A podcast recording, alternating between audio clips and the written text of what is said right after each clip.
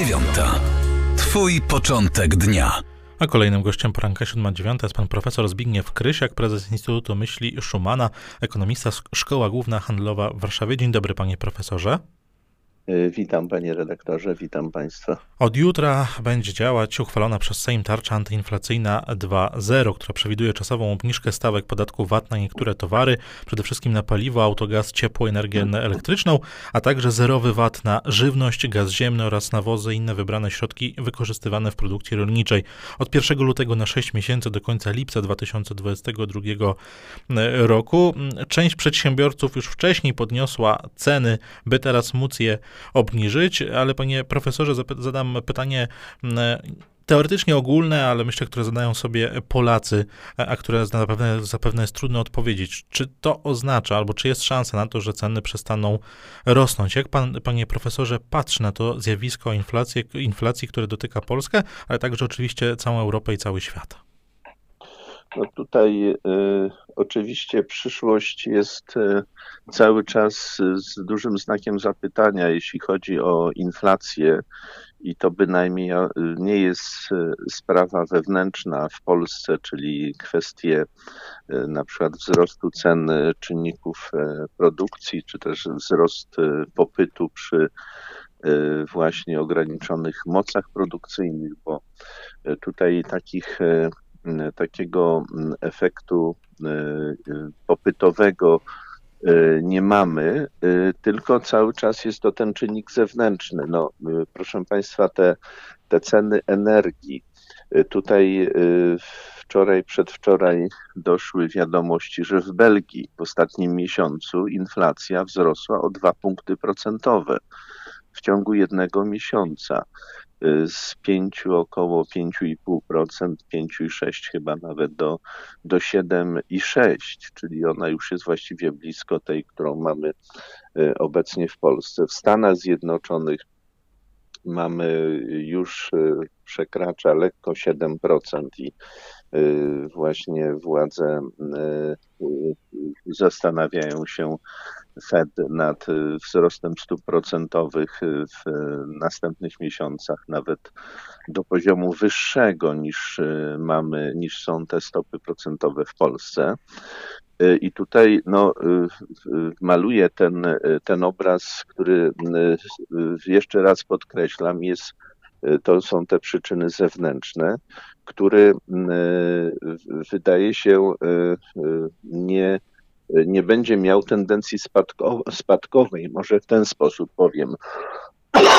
On będzie miał według mnie pewną stabilizację, ale proszę Państwa, pamiętajmy, jeśli w kolejnych miesiącach nawet inflacja utrzyma się na tym, na tym poziomie, który mamy, y, czyli będzie miał charakter stabilizujący, oczywiście z powodu tych działań, tych tarcz antyinflacyjnych rządu, on, ona będzie miała no, jakąś stabilizację, może nawet redukcję, tak, to jednak pamiętajmy, że inflacja e, utrzymująca się na takim poziomie oznacza wzrost cen, bo inflacja e, w, w tym momencie, czyli zatrzymanie się inflacji, gdyby inflacja spadała, tak, to, to będziemy mieli też e, z sytuacją wzrostu cen, ale wzrostu cen w mniejszym tempie. A no właśnie, a to, te, a to tempo wszystkich, e, wszystkich przestrasza tak naprawdę. Panie profesorze, e, analitycy banku PKO SA podali, podają możliwe scenariusze wzrostu cen w Polsce. Ich zdaniem tarcze antyinflacyjne zostaną wydłużone co najmniej do końca roku, dlatego że ich zdaniem ich wygaszenie ich w lipcu, jak obecnie planuje rząd, spowodowałoby skok inflacji w okolicy 9-10% nawet w skali roku, ale jeśli zostaną te tarcze utrzymane w długim okresie, to według nich średnioroczna inflacja wyniesie 6,9%, a żywność zdrożeje średnio 7,4%. To są oczywiście prognozy, ale chciałem się zapytać, panie profesorze, biorąc pod uwagę te czynniki zewnętrzne, o których pan mówił, bo eksperci wskazują też między innymi na ożywienie gospodarcze po pandemii, na politykę mm, Federacji Rosyjskiej Władimira Putina, jeśli chodzi o ceny surowców energetycznych. I tych, tych powodów, tych czynników zewnętrznych rzeczywiście jest wiele. Chciałem się zapytać, czy to trochę też nie jest tak, że rząd po prostu ma ograniczenia ograniczone możliwości reakcji na inflację, bo z jednej strony wcześniej słyszeliśmy o tym, by podnieść stopy procentowe, Rada Polityki Pieniężnej je podniosła, teraz mamy tarcze antyinflacyjne, zmniejszenie podatków albo ich zniesienie i wydaje się, że rząd ma tutaj coraz mniej chyba narzędzi, z których może korzystać, by zażegnać te e, no, negatywne z punktu widzenia społeczeństwa procesy i zjawiska.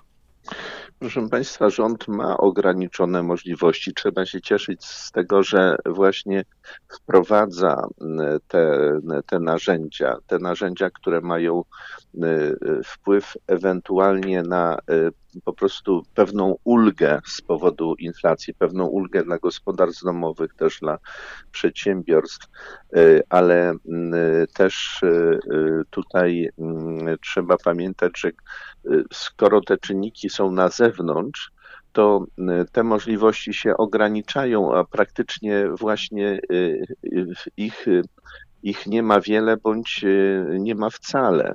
I tutaj e, trzeba raczej iść w kierunku, moim zdaniem, dość ostrego, aktywnego działania w kierunku zniesienia tego tak zwanego quasi podatku administracyjnego na emisję CO2.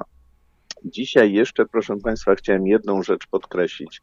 Dzisiaj nasze różne spółki energetyczne i też y, y, właśnie jeśli chodzi o gaz, y, myśmy kupowali to, ten gaz, który dzisiaj dostarczamy, po tak zwanych cenach terminowych w przeszłości.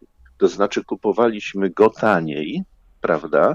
Podobnie też z emisjami CO2, na przykład PKN Orlen zakupił całą masę e, emisji właśnie tych kontraktów na CO2 dużo taniej niż wynosi ta obecna cena, która jest około 90 euro za tonę.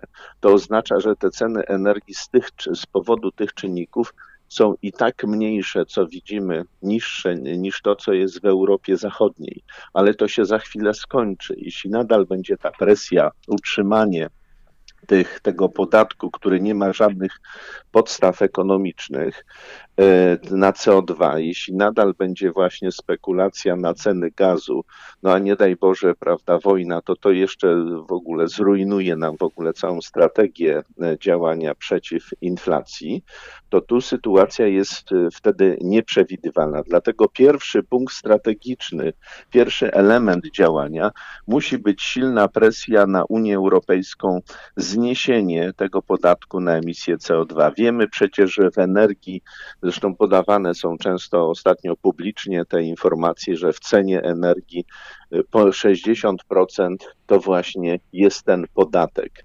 I tutaj nie ma co się moim zdaniem oglądać i zastanawiać, bo rząd nasz y, robi bardzo dużo, czy też działania Narodowego Banku Polskiego. Pamiętajmy, że te wzrosty stóp procentowe, one są słuszne, ale one oddziałują na duszenie popytu. Jeśli mamy czynnik popytowy, który jest w nieistotnej części, to wtedy wzrost stóp procentowych będzie działał. Natomiast tu mamy czynniki wzrostu kosztów y, różnych materiałów, y, kosztów logistyki, na przykład dostaw, które są z Azji i tak dalej. To dotyczy wszystkich krajów i te właśnie ceny energii, to tutaj wzrostem stóp procentowych tego właśnie nie zmienimy. Czyli jeszcze raz, dzisiaj trzeba, nie czekając dłużej, bardzo w cudzysłowie agresywnie podejść do Komisji Europejskiej o pilne zniesienie, na razie zawieszenie właśnie tych kwestii opłat za emisję CO2, żeby ewentualnie zastanowić się, jak ten rynek zreformować, bo podam w Azji, proszę Państwa, te ceny są za emisję na poziomie 20 do 30 euro, a przecież CO2 w Azji jest, to jest ten sam materiał emitowany w powietrze jak w Europie. A w Europie to tam... 80-90 euro za tonę, a z kolei pytanie, czy Komisja Europejska znajdzie zrozumienie w tym zakresie, bo na przykład szefowa Komisji Europejskiej twierdzi, że ten mechanizm działa bardzo dobrze, ale panie profesorze, tu niestety musimy postawić kropkę, bo czas nam się skończył, ale będziemy do tematu wracać, bo niestety zapewne będzie z nami e, ta inflacja jeszcze przez długi czas. O inflacji nie tylko mi Szanowni Państwo, mówił pan profesor Zbigniew Krysiak, prezes Instytutu Myśli Szumana, profesor Szkoły Głównej Handlowej w Warszawie. Dziękuję za rozmowę, panie profesorze. Dziękuję bardzo, pozdrawiam. Siódma dziewiąta. To był Twój początek dnia.